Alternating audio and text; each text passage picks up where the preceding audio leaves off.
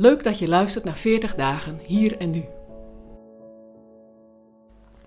Het is dag 31 van de 40 dagen tijd en Pieter Messeling van Verre Naasten laat zien waarom leren begint met de Heilige Geest. Misschien moet ik meer tijd aan mijn gezin besteden, hoor ik de een zeggen. Mijn zoon en ik zijn nogal uit elkaar gegroeid. Ik moet daar iets mee, zegt iemand anders. Ik zit in een zaal met zeven Indiase evangelisten, met wie ik samen een training discipelschap volg.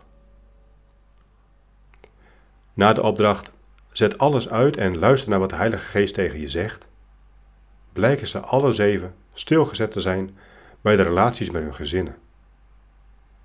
In hun gedrevenheid om Jezus te volgen, die ik enorm inspirerend vind, waren ze onderweg iets uit het oog verloren.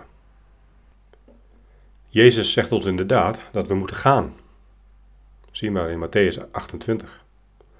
En hij zegt ook dat we moeten breken met onze mannen, vrouwen, kinderen. Dat we ons kruis op ons moeten nemen en hem volgen.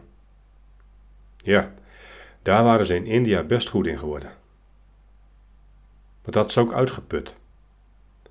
In hun gedrevenheid waren ze andere woorden van Jezus vergeten. Kom naar mij, jullie die vermoeid zijn en onder lastig gebukt gaan, dan zal ik jullie rust geven. Neem mijn juk op je en leer van mij, want ik ben zachtmoedig en nederig van hart. En dan zul je werkelijk rust vinden, want mijn juk is zacht en mijn last is licht. Je vindt deze woorden in Matthäus 11. Raak je in de war van die verschillende instructies van Jezus?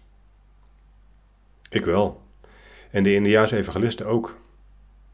Op eigen denkkracht komen we er niet uit. Maar dat hoeft ook niet, ontdekten we. Jezus reikt ons een oplossing aan. In Johannes 14 zegt hij: Later zal de Heilige Geest jullie alles duidelijk maken en in herinnering brengen wat ik jullie gezegd heb.